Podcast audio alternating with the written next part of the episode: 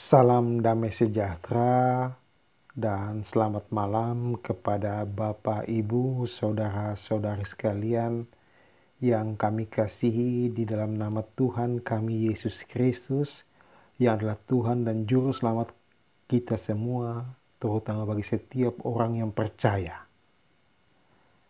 Kembali malam hari ini saya menjumpai Bapak, Ibu, saudara-saudara sekalian untuk bersama-sama kita berteduh diri sembari membuka Alkitab dan kita membacanya dari kitab Amsal 18 ayat 7.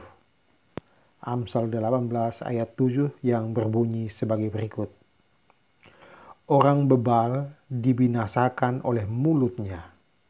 Bibirnya adalah jerat bagi nyawanya.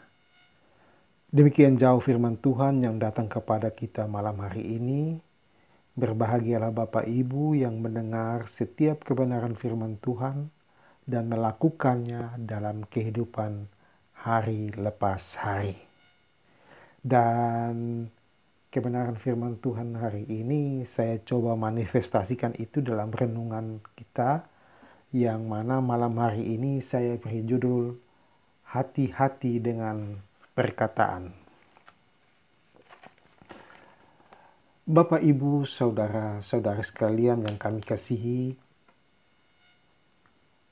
perkataan bisa membuat hati orang berbunga-bunga dan semangat. Namun, perkataan juga bisa membuat orang sedih dan tertekan, bahkan marah perkataan diibaratkan pisau apabila salah menggunakannya bisa melukai. Akibat dari perkataan bisa mengenai orang lain, juga diri sendiri.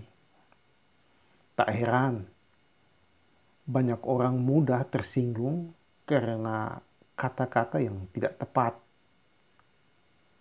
Kita harus berhati-hati dengan dengan setiap perkataan yang kita ucapkan. Kecerdasan dalam menggunakan kata-kata menjadi sangat penting supaya kita jangan binasa oleh perkataan kita. Ya, supaya kita jangan binasa oleh perkataan kita sendiri. Sebaliknya, kita terberkati oleh kata-kata yang berhikmat. Penulis kitab Amsal mengatakan, orang bebal dibinasakan oleh mulutnya. Bibirnya adalah jerat bagi nyawanya. Orang bebal adalah orang yang tidak berhikmat. Hikmat tidak dikenal di dalam hatinya. Dan untuk itu Bapak Ibu bisa membacanya lebih jauh di kitab Amsal pasal 14 ayat 33. Orang bebal suka mengabaikan pengetahuan. Akibatnya, ia dibinasakan oleh mulutnya. Artinya Bapak Ibu Saudara-saudara sekalian, perkataan yang tidak berhikmat mengakibatkan celaka. Di dalam kehidupan sehari-hari, banyak orang kehilangan pekerjaan, karir, teman, bahkan pasangan hidup. Hanya karena mulut yang tidak dikendalikan. Itu sebabnya Bapak Ibu Saudara-saudara sekalian, kita harus berhati-hati dalam berucap.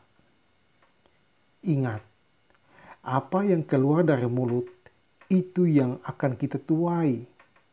Ingat juga, apa yang meluncur dari mulut itu mencerminkan hati dan pikiran kita.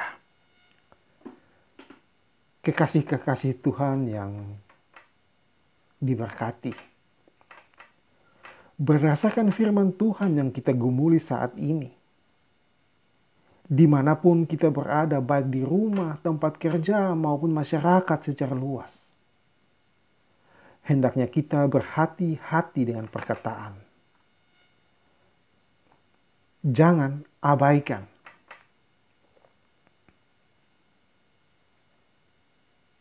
Iya. Jangan abaikan hikmat dan pengetahuan, tetapi bijaksanalah dalam berucap, supaya kita jangan binasa karena perkataan yang bodoh. Sebaliknya, melalui kata-kata yang berhikmat dan bijaksana, kita senantiasa beroleh berkat Tuhan. Bukan hanya oleh sesama, dengan ucapan yang bijak kita bisa membangun persahabatan dengan sesama dan disukai banyak teman dan nama Tuhan dipermuliakan. Amin. Demikian jauh firman Tuhan dan renungan yang saya bawakan malam hari ini. Doa saya kiranya Allah Roh Kudus menolong kita, memampukan kita yang mendengar kebenaran firman Tuhan malam hari ini untuk kita dimampukan melakukannya dalam kehidupan kita hari lepas hari. Kiranya berkat dan damai sejahtera dari Allah Bapa, anugerah cinta kasih Tuhan Yesus dalam persekutuan dengan kuat kuasa Roh Kudus menyertai kita semua mulai dari saat ini sampai selama-lamanya. Amin.